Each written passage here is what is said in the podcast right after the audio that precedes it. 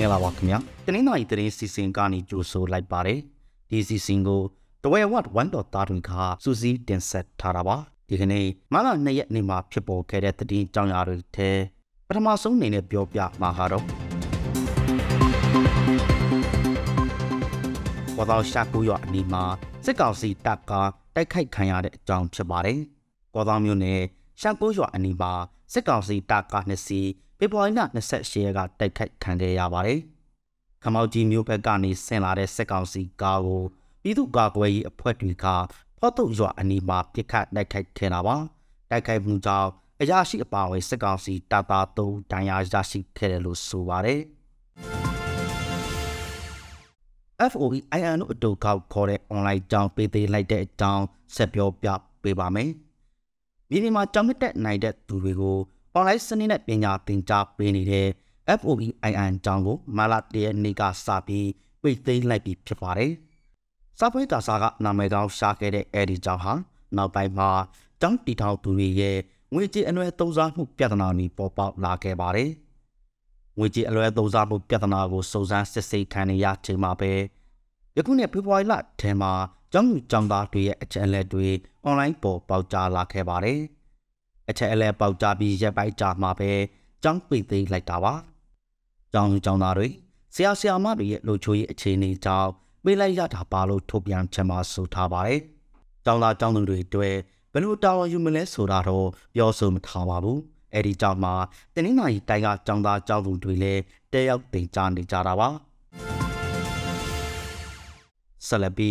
မွန်ပြည်နယ်မော်လမြိုင်မြို့မှာနေမီလောင်တို့ကလေးငယ်တဦးနဲ့အဖိုးအိုတဦးသေဆုံးသွားတဲ့အကြောင်းပြောပြပါမယ်။မွန်ပြည်နယ်မော်လမြိုင်မြို့အေးသာရပ်ကွက်မှာမနက်တရက်နေ့ကနေမီလောင်ကျွမ်းခဲ့ပါတယ်။နေလေးဆောင်မီလောင်ပျက်စီးသွားပြီးအသက်၄နှစ်ကျော်အရွယ်ကလေးတဦးနဲ့အသက်80ကျော်အရွယ်အဖိုးအိုတဦးလည်းသေဆုံးခဲ့ပါတယ်။လက်ဆက်ထမင်းပေါအပူလော်ကဲရှာကနေမီလောင်ဖြစ်ပွားခဲ့တာလို့ဆိုပါတယ်။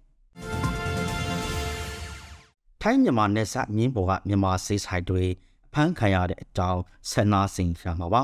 ။မြောက်ဒီနဲ့မဲဆောက်ကြားထိုင်းမြန်မာနိုင်ငံနယ်စပ်မြင်းပေါ်က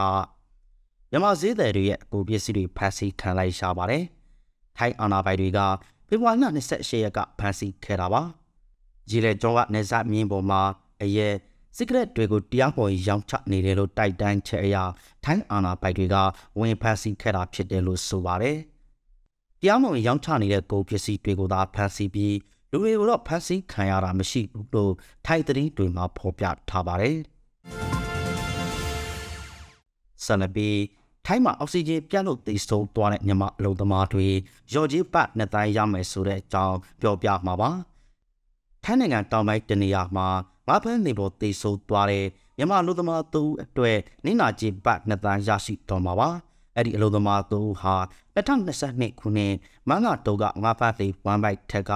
ငါးနေသက်ထုတ်ရင်းအောက်ဆီဂျင်ပြတ်တောက်သိဆုံးသွားတဲ့သူတွေပါသိဆုံးသူရဲ့မိသားစုဝင်တွေစီကိုနင်းနာချေကိုအရေးကြပေးအပ်သွားမှာဖြစ်တယ်လို့ဆိုပါတယ်သိဆုံးသူမြန်မာအလုံသမားတွေကတော့ရခိုင်ပြည်နယ်မြောင်းဒေသခံတွေဖြစ်ပါတယ်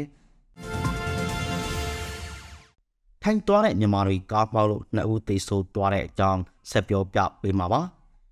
တရားမဝင်လမ်းကြောင်းကနေထိုက်ကိုသွားတဲ့မြန်မာအလုံသမားတွေကတနပူရီခရိုင်ထဲဒီကနေ့ကားတင်မမှုဖြစ်ပွားခဲ့ပါတယ်။ကားတင်မမှုကြောင့်မြန်မာလူသမားတဦးကားထဲပိမိသိဆုံးနေတယ်လို့နောက်ထပ်အမျိုးသားတဦးလည်းဆေးဥပေါ်ပျောက်မှာသိဆုံးသွားတယ်လို့ဆိုပါတယ်။အခြားမြန်မာအလုံသမားတွေမှလည်းတိုင်းဟာအသီးသီးရရှိခဲ့ကြပါသေးတယ်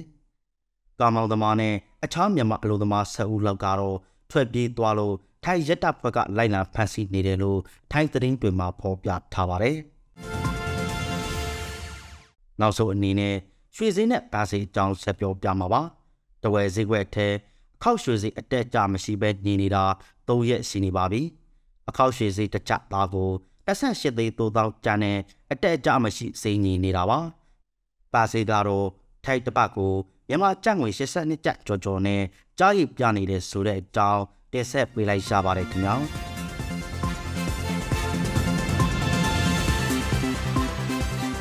ခုလိုနားဆင်ပေးခဲ့တဲ့အတွက်ကျေးဇူးအထူးတင်ရှိပါတယ်မြန်မာနိုင်ငံသူနိုင်ငံသားများကပ်ပြီးပေါင်းကနေအများဆုံးတွန်းမြောက်နိုင်ပါစေလို့ဒေါ်ရဝဝိုင်းတော်သားများကစုမုံကောင်းတောင်းအပ်ပါတယ်ခင်ဗျာ